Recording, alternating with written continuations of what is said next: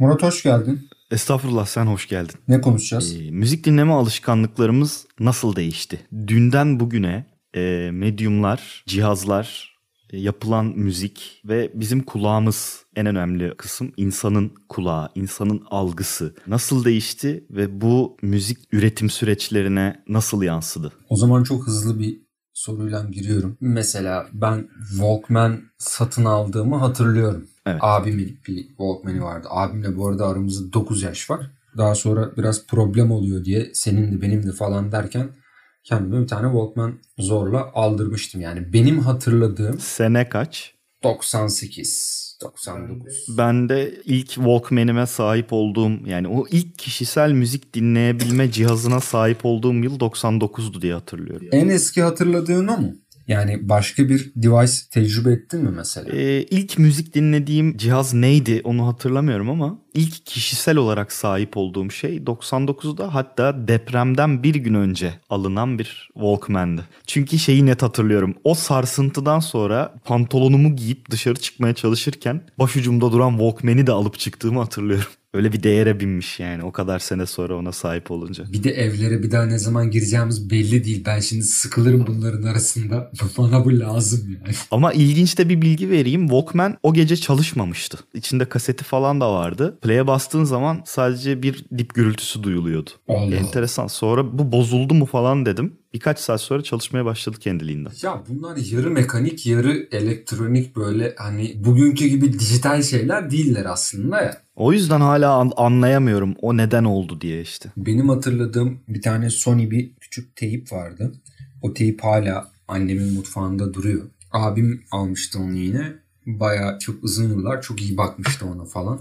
Daha sonra işte Walkman şeyi çıktı. Ben Walkman'in sonlarına doğru işte bizim jenerasyon yakaladı. Biz esas biliyorsun CD player denilen iğrenç şeyi yanımızda taşıyorduk. Yani yanımda Ona ben hiç sahip olmadım. Aa, çok şanslısın. O Discman dediğimiz şey evet hiç böyle belime takıp o eskiden hani böyle esnaf falan telefonları beline asıp gezerdi ya. O bir dönemin gençliğinin ızdırabı da o Discman'ler böyle bele takılıp eşek kadar orada dolaşılırdı falan. Valla ben hiç belime taktığımı hatırlamıyorum ama mesela arabayla bir yere gidilecek. CD player'ı işte Discman'i alıyorum. Sayısını hatırlamadığım kadar CD çantayla dolaşıyorsun yani tamam mı? Bir de evet öyle bir sıkıntısı vardı. Ondan sonra abi böyle CD çekmek diye bir şey vardı biliyorsun işte. Evet. Liste yapıyorsun, burn ediyorsun falan böyle çıkartıyorsun. Boş CD falan alıyorsun Kadıköy'den falan zart zurt. Yani bir CD okuyucunun stabil durması mümkün değil arabada. Ve yani her sarsıntıda müzik keyfinin içine sıçıyor yani. Evet o zamanlar bu büyük bir problemdi. Daha sonra bazı cihazlara bilmem ne stabilizer falan konuldu. Bana hep şöyle geliyor. Ben şimdi device'ları düşününce abi diyorum ki kendi kendime ulan Nasıl ya? Finalde iş hani iPod'a gitti ve zaten her şey iPod'dan sonra değişti ya aslında müzik endüstrisinin devrimini yine Apple yaptı yani. Yani esasında e, öyle de denilebilir ama tabii MP3 player'lar ondan önce de vardı. Creative vardı, Minton falan vardı böyle daha ucuz şeyler vardı ama iPod da bir işe başka bir vizyon kattı yani ve bir daha hiçbir şey eskisi gibi olmadı. Ben şunu merak ediyorum. Amerika'dasın. Bayağı abi Kaliforniya'da takılan bir adamsın yani. Yıllarca bu çöp device'lara deliler gibi para yatırdılar. Bunları üretmek için yani tamam mı? Abi kimse görmedi mi lan şeyi? Abicim bu iş günün sonunda Spotify'a gidiyor işte. Hani adını şimdiden bilmeseler bile o dönemde. Ya acaba bunlara böyle donanıma bu kadar saçma sapan paralar yatırmasak mı? Ya orada şöyle bir durum var. Görülmedi. Neden görülmediği konusu da tabii ki her dönemin belli bir ruhu var. Bir Zeitgeist'ten bahsettik ya. O dönemdeki kapışma da biliyorsun ki bütün bu müzik dinleme ortamlarını, cihazlarını, müziği bastığımız medyumları domine eden iki tane şirket vardı. Daha doğrusu iki ülke diyelim. Bunlardan bir tanesi Amerika, bir tanesi de Japonya'ydı.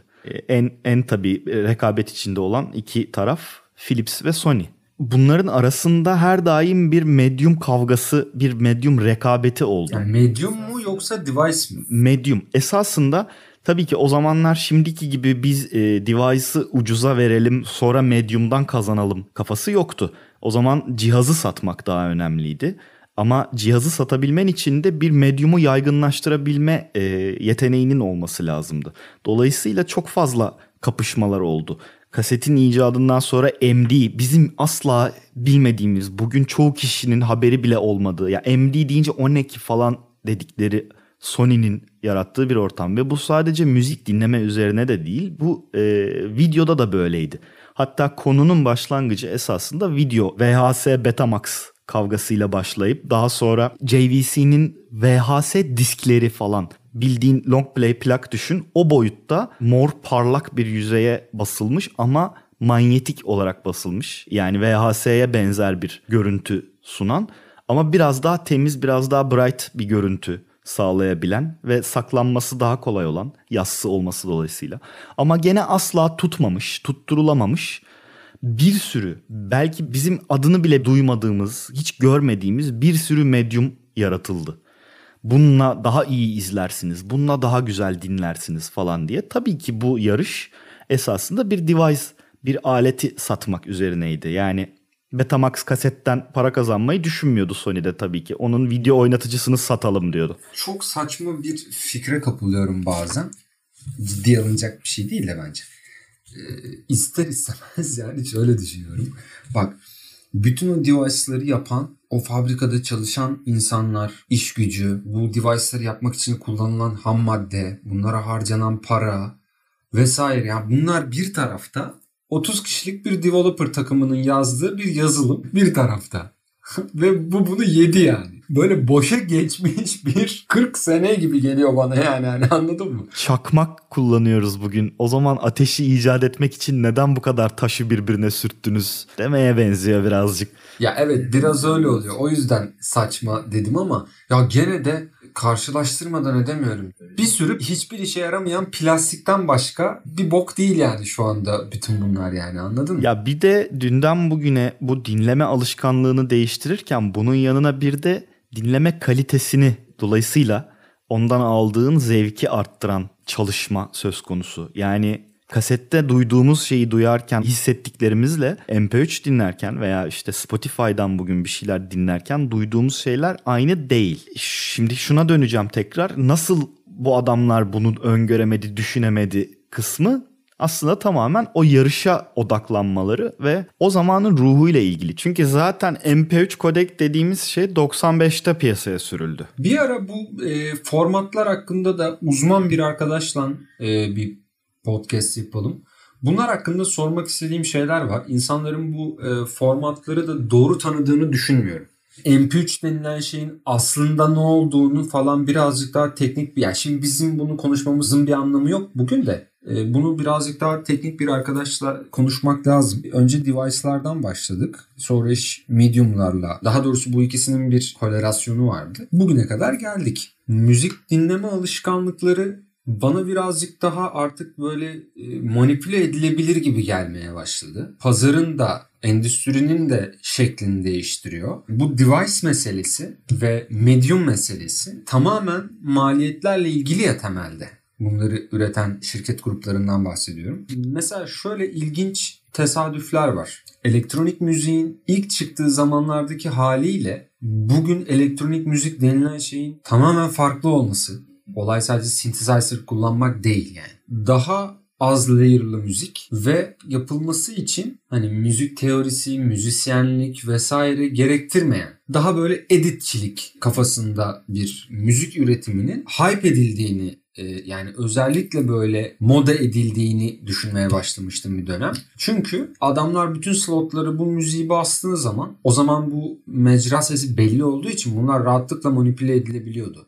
Şimdi öyle değil tabii yani. Şu anda sen müziğini yaymak istiyorsan yayarsın yani. Hiç kimse bunun önünde duramıyor. Ya atıyorum şimdi rock müzik yapılacak. Abi buna amfi lazım. Gitar lazım. iyi gitarist lazım. O lazım, bu lazım. Mikrofon lazım. Ses mühendisi lazım. Oo yani hani anladın mı? Maliyetli yani. Ölme şeyim ölme. Bunu finanse edecek kişi ya da grup açısından düşün. E, maliyetli yani. Ama daha az katmanlı üretilmesi de daha masaüstü müzikler ortaya çıktıkça bunlara birazcık daha öncelik verildikçe insanlar da doğal olarak yani şöyle bir dinleyici kitlesi var. Bizim gibi böyle hani müziğin çok içinde olan insanları zaten ortalamaya almıyorum. Ama gerçekten şöyle bir müzik kitlesi var. Müzisyenler bu empatiyi çoğu zaman kuramaz mesela. Hiçbir şeyci.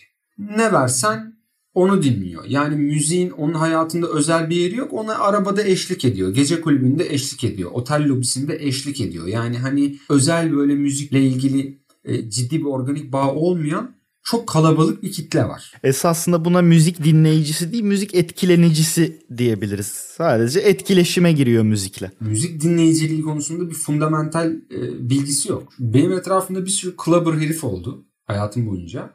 E, yıllarca kulüplerde böyle Demet Akalın falan dinlediler. Ve yani gerçekten sayıca çoktur clubber arkadaşlarım. Hiçbirinin Demet Akalın'ın CD'sini aldığını bu zamana kadar görmedim. E, söylemek istediğim şu ne versen onu dinleyen çok büyük bir kitle var. Esasında bu söylediğin şey pop müziğin tanımı. Ya şimdi o başka bir e, podcast'in konusu olsun bence ama pop müzik nedir konuşalım. Ben şunu söylemek istiyorum. Bu dinleyici segmenti kendini rockçı ya da X'ci ya da Y'ci olarak tanımlayanlardan çok daha kalabalık. Yani aslında ana gövde bu sayısal olarak baktığın zaman. Şimdi bu adamlara ne versen dinlediği için müzik endüstrisi bunu fark ettiğinde daha kolay, daha maliyetsiz üretilebilir bir takım tarzlara yatırım yapınca birdenbire şöyle bir şey oldu. Abi elektronik müzik dünyada en çok dinlenen müzik tarzı. Acaba öyle miydi hakikaten? Orada böyle bir küçük hile var aslında. İlluminati falan demiyorum yani komplo teorisi gibi algılanmasın da hani bu birazcık istemsizce bu şekilde hani gerçekleşti. E bu kadar büyük bir çoğunlukta basılan şeyi hiç sorgulamadan e, dinlediği için e, e, doğal olarak en çok bu dinleniyor gibi oldu yani. Çünkü şöyle bir şey de var. Queen'in bir şarkısının altına kick yerleştirdiğin zaman o da elektronik dans müziği olabiliyor. Tabii tabii. Basarsın telifini alırsın kaç para olursa olsun yani. Bir koyuyorsun dediğin gibi altına kick'i abi. Verdiğin paranın 10 katını geri kazanıyorsun yani işte. Aslında e, tarzlar da yani basılan, hype edilen tarzlar da e, müzik dinleme alışkanlıklarını ciddi anlamda bence değiştiriyor. Yani müzik dinleme alışkanlığı derken biz bugün sadece device'ları ve medium'ları konuşmuyoruz. Aslında tarzları da konuşuyoruz yani. Özellikle kastettiğim kategorideki elektronik müzik kültürüne sahip oldukları için dinlemiyor çoğu insan. Sayısal olarak en çok bunu denk gelindiği için o da zaten böyle bir sorgulamaya gitmediği için bu dinliyor. Tabii sağda solda ne çalıyor bu çalıyor. Demek ki moda bu bunu dinleyebiliriz şu an. Oradaki iktisadi denge gene müzik dinleyicilerin alışkanlıklarını e, bence değiştiriyor. Yani elektronik müziği bir alışkanlık olarak dinliyorlar. Bilinçli bir tercih şeklinde değil. Gerçekten damağı kuvvetli çok az elektronik müzik koleksiyoneri gördüm. Ama şey yani ellerinde gerçekten çok kıymetli e, müzikler var. Bunun için dünyayı dolaşan birini tanıyorum mesela yani herif. New York'ta bilmem ne kulübünün DJ'nin yakasına falan yapışıyor. Bana arşivini göstereceksin falan diye yani. Bu tabii daha butik bir şey. Bunu da kastetmiyorum aslında. Tam olarak eski DJ'lerin yaptığı. Gurmelik değil mi? Küratörlük gibi. Aynen öyle. Bu oturduğumuz yerden yapabiliyoruz şunu. Çünkü dünyada asla sahip olamayacağımız bir yani hem mali olarak hem de o kadar vaktimiz olamaz öyle bir müziği bulabilmek için böyle bir arşivi Spotify bize sunarken oturduğumuz yerden yapabiliyoruz bunu. Sonra da diyoruz ki Aa, ben şu grubu keşfettim. Ama 90'ların, 80'lerin, 70'lerin DJ'leri e, hatta 2000'lerin ortalarına kadar böyle bu şekilde dünyayı gezip aynı dediğin gibi bir küratörlük üstlenerek o şarkıları bulup o tarzları bulup onları sergileme üzerine çalışıyorlardı. O yüzden zaten eskiden müzik piyasasının bu akımları, müzik dinleme alışkanlıklarını belirleyen yerler esasında klaplardı. Çünkü o bütün dünyayı gezip o müziği bulan DJ'ler orada çalabiliyordu. Sonra bu iş radyoya şey oldu biraz daha. Sonuçta bir filtreden geçiyordu yani. Hani o heriflerin o müziklere ulaşması lazım. Bilinçli birinin filtresinden geçiyordu. Hah, ya işte Sonuç olarak tarzlar, mediumlar ve device'lar arasında aslında bir bağlantı var. Kimse şöyle hareket etmiyor yani. Hmm, bu sene şu müziği popüler yapalım.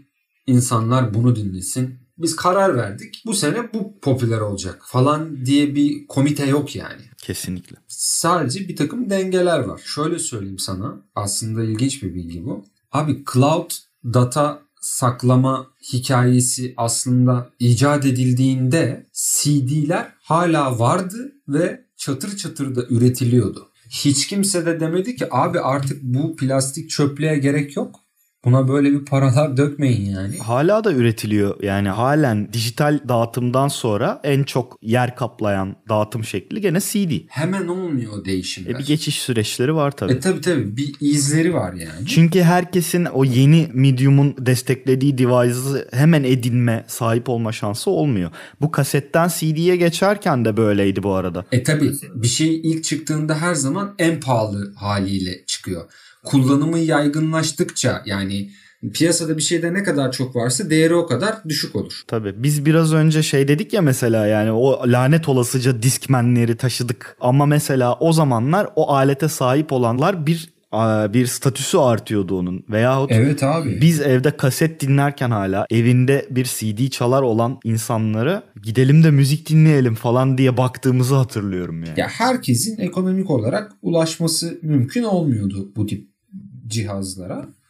Bunlar yaygınlaştıkça değeri düştü ve herkes alabildi. Bu işte iktisatın en geçerli kanunudur. Hani demin de söylediğim gibi işte bir şeyden ne kadar çok varsa o kadar değeri azdır. Ne kadar az varsa değeri o kadar yüksektir yani. işte altın parayı altına yatırıyorsun ve hiç kaybetmiyorsun. Bunun sebebi ne? Çünkü aslında az çıkıyor yani. Yani, yani dinleyicideki talep karşılığını da çok ciddi değiştirdiğini ben düşünüyorum.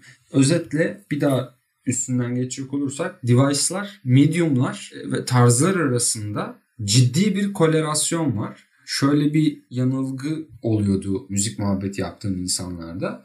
Hani X tarz çok tuttu. Çünkü çok iyi. Halk bunu sahiplendi. insanlar bunu çok sevdi gibi olmuyor aslında her zaman. Aslında halkın onu sahiplenip sevebilmesinin sebebi ona zaten ulaşabiliyor olması. O ha evet. Yani halk onu aramadı. Halk ona maruz kaldı. Çok da absürt bir şey değilse oradaki eğlence talebini de karşılıyorsa bir de yani dediğim gibi şimdi bütün mediumlardan sen aynı tarzı basarsan zaten doğal olarak pazarı manipüle etmiş oluyorsun. Yani o popülermiş ve dolayısıyla o dinlenirmiş gibi e, oluyor. Şimdi artık bu dönemin son halkasındayız. Artık bugünden sonra daha üretime dönecek. Evet şimdi bir de bugünden sonrasını konuşalım. Üretime Sence müzik dinleme alışkanlıkları nasıl değişecek? Şunu söyleyeyim önce. Bugün dinlediğimiz ve bugün daha e, mainstream hale gelmiş daha e, bir sürü tarzın da bunun son halkası olması sebebiyle e, moda olduğunu düşünüyorum. Çünkü dijital dağıtımın e, artışı sebebiyle şu ana kadar ortaya çıkamamış, genele yayılamamış bazı müzisyenlerin, bazı sanatçıların patlama yaptığı gerçeği var. Ya biraz da dekoratif müzikler e, yani şöyle ben onu şöyle ayrım yapıyorum kafamda. Formal müzikler var, dekoratif müzikler var. Biraz daha dekoratif müzikler artık ön plana e, çıkmaya e, başladı. Bu doğru. Yani mesela solistlere falan baktığım zaman özellikle şunu e, görüyorum.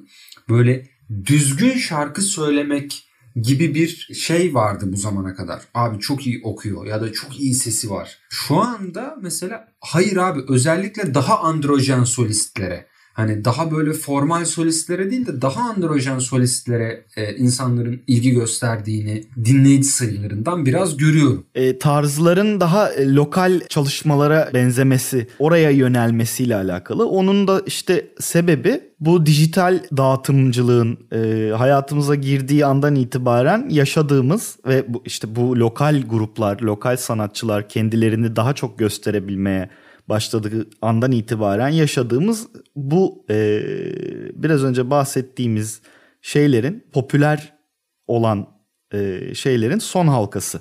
Biz ilerlemeleri gördük, yaşadık. 80'lerden itibaren özellikle teknolojinin hızlanmasıyla beraber sürekli değişime uğrayan medyumların hayatımıza etkilerini ve müzik endüstrisine etkilerini gördük. Şu an bunun tersine doğru yaşıyoruz gibi. Yani ne oldu şu an? Biz plak dinliyorduk, kasete geçtik, kasetten CD'ye geçtik, CD'den MP3'e geçtik, MP3'ten dijital dağıtımcılığa geçtik falan derken dağıtımda bunu koruyoruz fakat birdenbire son birkaç senedir yani esasında bu 10 sene öncesine dayanıyor bunun ortaya çıkış şeyi ama 5 senedir falan diyeyim çok popüler hale geldi. Daha kasetten dinliyormuş gibi daha 80'ler duyumuna sahip o lezzete sahip müzikler. Ama o nostalji her zaman birazcık şey ya endüstrinin elinde orijinal malzeme bitince hep bir e, nostaljiye geri döner. Şimdi mesela tasarım dünyasıyla paralellik gösteriyor birazcık. Mesela şimdi bakıyorum hep synthwave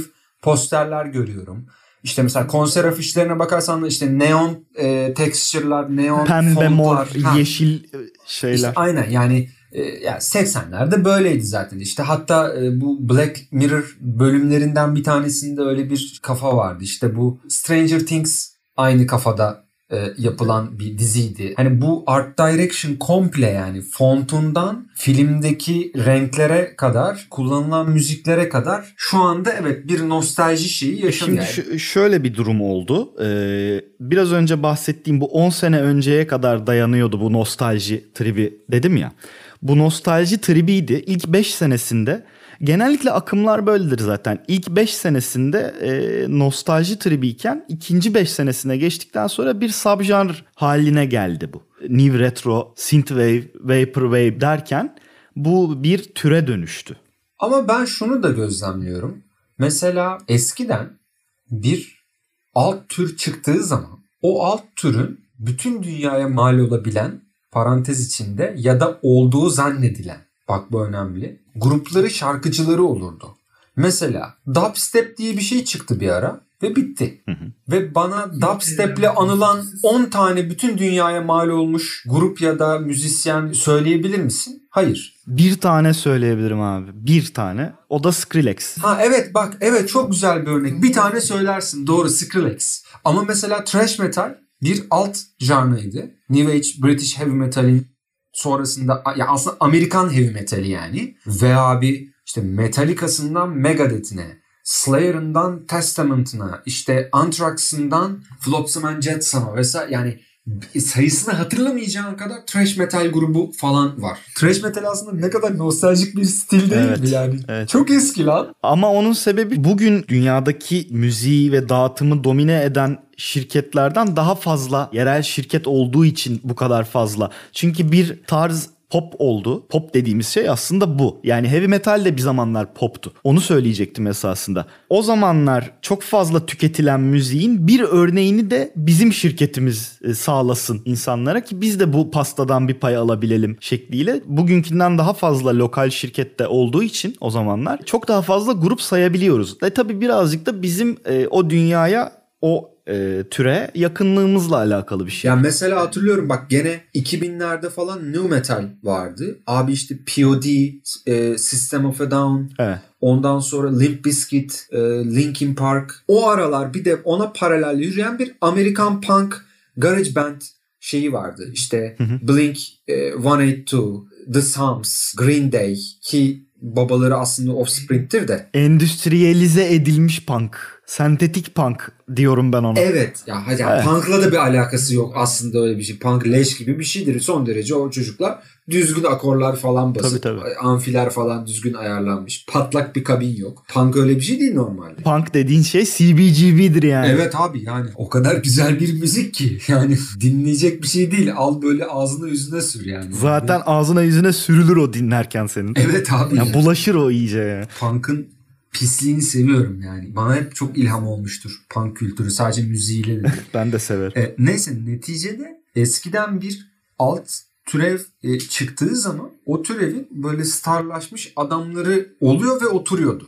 Bugün yeni alt tarzların, subcanraların böyle bu kadar starı falan çıkmıyor. Sönümlenmesi yani sustain daha kısa sürüyor. Bu benim kafamda şöyle bir teoriye yol açtı bir noktadan sonra. Ya biz bir yere gidiyoruz. Oraya varana kadar bunlar bizi eğiliyor. Aslında müziğin yolculuğu çok başka bir yere gidiyor. Çünkü tarihsel perspektifte baktığında barok dönem kronolojik olarak incelediğin zaman mesela klasik müziğin ilk formlarına o gün müzik deniyor ve yani o gün müzik denen şeyle Skrillex'in aynı şey o. Ya sence de biraz tuhaf değil mi? Baktığın zaman müziğin macerasına harbiden yani mutasyon geçirerek geliyor yani böyle. Bayağı ciddi değişerek geliyor yani ve hep dallanıp budaklanarak geliyor böyle. Ağacın dalları hep böyle büyüyor. Ve insanların da bunu kabullenmesi biraz zor oluyor zaten. Çünkü yani bugün dubstep artık popüler olmaktan uzaklaşmış, modası geçmiş bir müzik olmasına rağmen 60 yaşında falan bir amcayı çevirip sokakta dubstep dinletsen müzik mi ya bu falan der yani.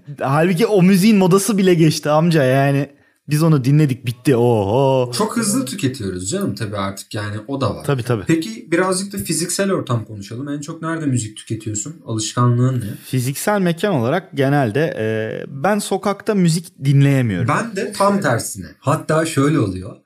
Çok iğrenç bir duygu. Mesela mahallede çıkıyorum. Kadıköy'e gideceğim. Ben hayatım boyunca Kadıköy'e hiç araca bindiğimi hatırlamıyorum. Hep yürürüm ben Kadıköy'e. Kulaklığımı takıyorum. Efendi efendi müzik dinleyeceğim ve stüdyoya gideceğim işte tamam mı? Abi tam o sırada böyle hırtın biri çıkıyor. Böyle karşıdan geliyor. Diyorum ki Allah'ın umarım beni görmez. Çünkü kulaklığı çıkartıp 15 dakika bununla muhabbet etmek istemiyorum. O çok büyük bir problem. Şu an çok güzel motive oldum ve yani hiç sana selam vermek istemiyorum. Hani müzik keyfimde böylesini istemiyorum. Çünkü ben o sırada gerçekten eziyorum müziği kafada anladın mı? Yaşıyorum yani. Hava çok güzel. Çok güzel yürüyeceğim Kadıköy'e kadar. Zaten keyif alacağım bir ortama gidiyorum falan. Çok güzel motive etmişim kendimi. Oo ne yapıyorsun ya falan diye çıkıyor oradan. Ve o kulaklığı çıkartıp iyi senden ne haber? Gitsem mi acaba? Ha?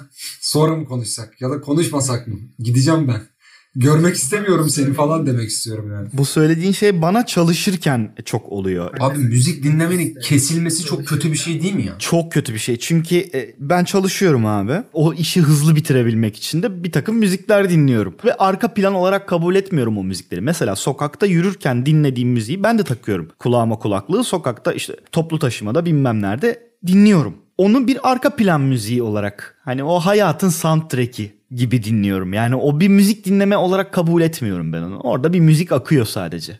Yani boş durmuyor kulağımız. O kadar. Derin dinlemeyi ben zaten şeyde yapıyorum canım evde yapıyorum. Hayır bak benim dediğim derin dinleme de değil. Kendini kaptırarak dinlemekle derin dinlemek arasında da bir fark var. Sokakta yapabildiğim şey sadece taktım kulaklığı gidiyorum. Sen tanıdık birini görünce yaşıyorsun o e, lanet olsun hissini. Ben her şeyde yaşayabilirim. Çünkü yani birisi saat kaç diye sorduğu zaman bile o olur yani. Hatta bir şey sormasına seninle iletişime geçmesine de gerek yok. Bir hareket yapar seninle hiç alakası yoktur ama uyuz olursun mesela. O arada o müziği gene bozar o yani. Böyle minibüse biniyorsun kulağında kulaklık çıkartıyor arkadan 8 tane Kadıköy uzatabilir misiniz falan. Şimdi durduk yere muavinlik yapacaksın yani. Hani onun paranın bir de üstü var. Yani. O yüzden o yüzden ben o ta- o müziğe hiç şey yapmıyorum. Kafa yormuyorum zaten. O takıyorum ve çalıyor öyle. O bir kafede otururken de oradan çalan yani bakmazsın ya biz bu kafede oturuyoruz ama burada Demet Akalın çalıyor. Kalkalım buradan demezsin ya. Çalar o yani.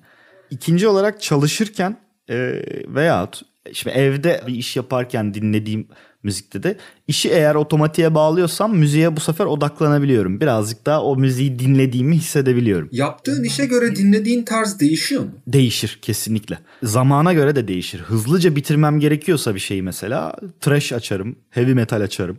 Daha böyle yaydıra yaydıra ben o işin keyfine vararak yapacağım falan diyorsam mesela R&B de dinlerim. Veya ben bu işi çok dinginlik içinde halletmek istiyorum diyorsam biraz daha caz hareketli olmam gerekiyorsa, fiziksel olarak hareketli olmam gerekiyorsa, mesela spor yaparken, şey yaparken bazı mesela elektronik listelerim var. Onları dinlerim, dans müziği. E, değişir o yani. Uyandığım zaman dinlediğim müzikler ve yatmadan önce dinlediğim müzikler çok değişkenlik gösterir mesela. Neredeyse her hafta başka bir tarza döner, başka bir kafaya döner. Bu işleri yaparken dinlediğim müziklerde böyle. Bir de albüm dinlemek diye bir şey var ben bu müziği dinleyeceğim, anlayacağım, sindireceğim. Bu adam burada ne yapmış? Belki feyz alacağım ve buna eleştirel yaklaşacağım. Bunu anlama üzerine kurulu. Bunu da imkan dahilinde daha ziyade plaktan dinlemeye çalışıyorum. Bir albüm dinleyeceğim zaman o albümü bütün bir konseptiyle anlamak için bütün bir albümü dinleme şeklinde gerçekleştiriyorum. Ee, o var. Onun dışında da başka bir şeyden müzik dinlemiyorum artık. Şurada e, şu köşede 250 tane kaset var. Hiç de demedim ki ya şu kasetlerden bir tanesinde şu vardı takayım da dinleyeyim demedim.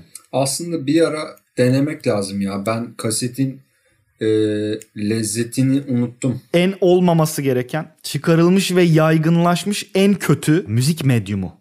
Kaset. Yok yok kesinlikle katılıyorum. Doğru doğru. Bugün bu kadar nostaljisi yapılan ya kasetten dinlemek falan hayır abi kaset boktan bir şeydi. O böyle o kalemle sarardık falan. Abi tamam bunların hepsi boktan şeyler işte. Şimdi fiziksel olarak sığdırılabilmesi çok fena ve bir de kalite olarak da olumsuz. Halefine göre kendinden bir önceki medyuma göre çok kötü. Şimdi kasetten bir önceki plak. E bugün hala dinliyoruz plak. Fiziksel bir yani analog bir duyumu en düzgün alabildiğin yer orası. Ondan sonra çıkan şey ta, aslında tamamen boyutları küçültmek üzerine çalışılmış. Plak çok yer kaplıyor ve çalınabilmesi için ve doğru düzgün de devamlı çalınabilmesi için sabit bir yerde durması lazım. İğnenin oynamaması lazım falan derken Senin dinleyiş keyfinle, konforunla ilgili bir endişesi yok kimsenin. Daha çok satabilmek Kesinlikle. istiyorlar yani. Mesele daha çok ilgili. satabilmek ve mobilize edebilmek için. Kasetin en önemli olayı o. Plak mobil bir şey değil. Taşınabilir. Yani arabalarda bile çok az arabada e, görülmüştür plak dinlendiği. Ama her arabada bir kaset çalar var. idi. Arabada plak dinlemek diye bir şey var mıymış lan? Arabada plak dinlemek diye bir şey var. O 60'ların impalalarında falan böyle o e, torpidonun olduğu yerde bir plak çalar Sen ciddi misin? olan vardır ya filmlerde falan illaki görmüşsündür. Bak fark etmemişim daha. Sony mesela o mobilizasyonu kaset popülerleşmeden önce gene plakta plağı çaldığın cihazı küçültmeye çalışarak yaptı. Mesela Sony'nin bir aleti var. Ya lamba kadar bir alet tamam mı? Böyle bir turntable gibi bir plak çalar falan yok. Dik duruyor. Bir kutu gibi bir şey. Plağı onun arasına sokuyorsun. İğne falan koydum kaldırdım falan da yok. Plağı arasına sokuyorsun, birleştiriyorsun ve çalmaya başlıyor şeklinde bir aleti var. Şu an modelini unuttum ama hatta bir dönem aradım Türkiye'de bulamadım falan da onu. Sırf meraktan yani. Kasetin şeyi de stüdyolarda falan daha çok kullanılan manyetik banda makaralara kayıt sistemini küçültüp cebimize sokup mobilize etme amaçlı e, icat edilmiş bir şey. Ya müzik dinleme, müziği tüketme e, alışkanlığının ne noktaya gideceğini biz tabii hep müzik endüstrisi perspektifinden konuşuyoruz. Hani device diyoruz, medium diyoruz ama bir yandan da bunu değiştirecek dış faktörler de var. Mesela işte bir salgın hastalık oldu ve pek çok konuyu etkiledi. Hani bu eğlenceyi de etkiledi, etkileyecek. Dolayısıyla müzik dinleme alışkanlığını değiştirecek. Bunun gibi daha nelere gebe olduğunu, kaç tane dış faktöre gebe olduğunu e, ama şüphesiz ki artık virüs bazı hastalıklar bu parametrelerden önemli bir tanesi olacak. Yani korona son yaşadığımız olmayacak muhtemelen. Müzik endüstrisinin parametreleri dışında bir de böyle başka dışsal faktörler de var. Onları çok öngöremediğim için şu anda alışkanlığın ne yönde değişeceğini kestirmek bence birazcık zor. Zaten müzik dinleme alışkanlıkları her dönemin kendine e, özgü olaylarıyla tetikleniyor. Tarzlar da buna göre e, aslında Tabii. birazcık şey. Ya hiçbir şeyin bir tane sebebi yok ya. İlk bakışta birbirinden bağımsızmış gibi görünen aslında e, belli bir nokta sonra birbirleriyle ilgili bir sürü bağımsız değişkenin etkileşimi sonucunda oluyor. Biraz yani böyle matematiksel bir açıklama oldu ama hakikaten bir tane meselenin birden farklı ve e, tahminimizden daha karmaşık bir e, sebep sonuç ilişkisi oluyor. Gelecekte müzik alışkanlığının, müzik dinleme alışkanlığının nasıl değişeceğine dair daha böyle şey bir fikrim var mı? Somut. Benim yok mesela şu anda aslında. Valla şunu söyleyebilirim. Birazcık daha toplu halde müzik dinleme birazcık parti kafasına doğru gitmesini öngörüyorum. Böyle insanların bir odaya toplanıp hepsine birer tane kulaklık verip dışarıda hiç ses olmadan herkes kulağında kulaklıkla dans ediyor falan. Ama hani aynı partideler, ortamı yaratılan bazı şeyler falan var. Bunun Bunları yaygın bir alışkanlığa dönüşeceğini mi düşünüyorsun bu klan halinde müzik dinleme olayını? Evet. Birazcık aslında müziğin daha iyice köklerine dönüldüğü. Çünkü e, bu nostaljiyi hep böyle belirli bir şeyle yaşıyoruz ya. Bir şeylerin geri döndürülmeye çalışması falan. Bununla aslında başlayıp oraya doğru evrilecektir. E, eskiden de müzik dinlemek toplu yapılan bir aktiviteydi. Herkesin evinde bir müzik çalar, bir alet, bir cihaz olmadığı zamanlarda insanlar bir yerlere, mekanlara toplanıyorlardı. Bir odanın içine giriyorlardı. Birisi bir müziğin play tuşuna basıyordu ve müzik dinleniliyordu. E, bu parti. Esasında o partide onun dışında yaptığın tanışmak, konuşmak, içki içmek, alkol almak bilmem neler falan ikinci plandaydı. İnsanlar bu aktiviteyi öncelikli olarak müzik dinlemek için yapıyorlardı. Tabii bugünün dünyası online bir hale geldiği için bundan sonra öngördüğüm kısım online olarak toplu halde bir şeyler. Çünkü dediğim gibi benim her zaman mesela evime arkadaşlarımı toplayıp bir plağa koyup albümü hep beraber dinleyelim sonra da bunun üzerine konuşalım. Bu benim için bir aktivite çünkü yani çok da sevdiğim bir aktivite. Ama sanki bu bana birazcık daha şey gibi geldi ya. Mesela ben kendi arkadaşlarımı böyle bir şey yaparken hayal edemiyorum yani. Ya bir eve toplanalım da beraber müzik dinleyip sonra o müzik hakkında konuşalım gibi bir şey söyleyeceklerini zannetmiyorum yani. E, yani şöyle şey demiyorum. Biz tek başımıza müzik dinlemeyi bırakacağız. Bundan sonra hep toplu halde dinleyeceğiz falan demiyorum. Bu yani bir zaman akışı içerisinde yaşadığımız şeyler sonuçta bunlar. Olan değişiklikler. Sıradaki hedefin bu olduğunu düşünüyorum. Yalnız şöyle de bir örnek vereceğim.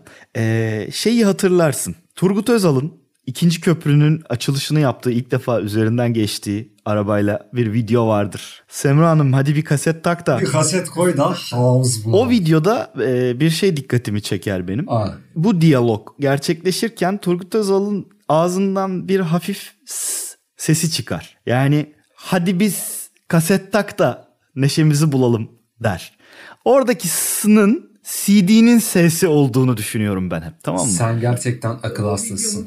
Ve o videonun çıkış tarihine baktığımız zaman CD tabii ki o zaman e, icat edilmişti bir medyum olarak. E, O aracın e, dikiz aynasındaki e, üçgen içindeki gözü ne yapacağız?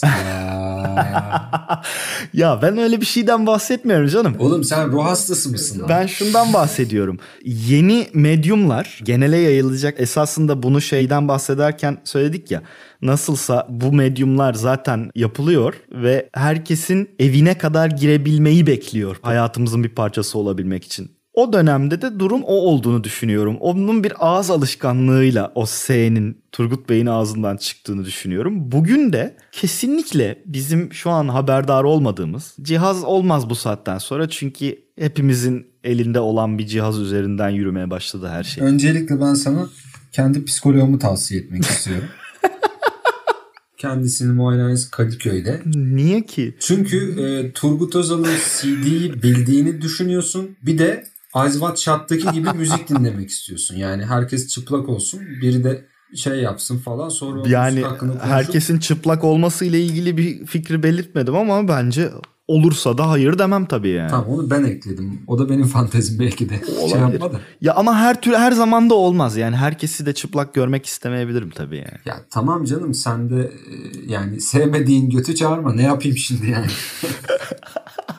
Sevdiğim popoları et. Neyse. Aslında bu mevzu daha uzardı. Başka konularla iç içe de geçme potansiyeli olan bir konu. Müzik dinleme alışkanlıklarımızın nasıl değiştiği hakkında bazı şeyler söyledik. Bir sonraki bölümde müziği yapma, üretme alışkanlıklarımızda neler değişti?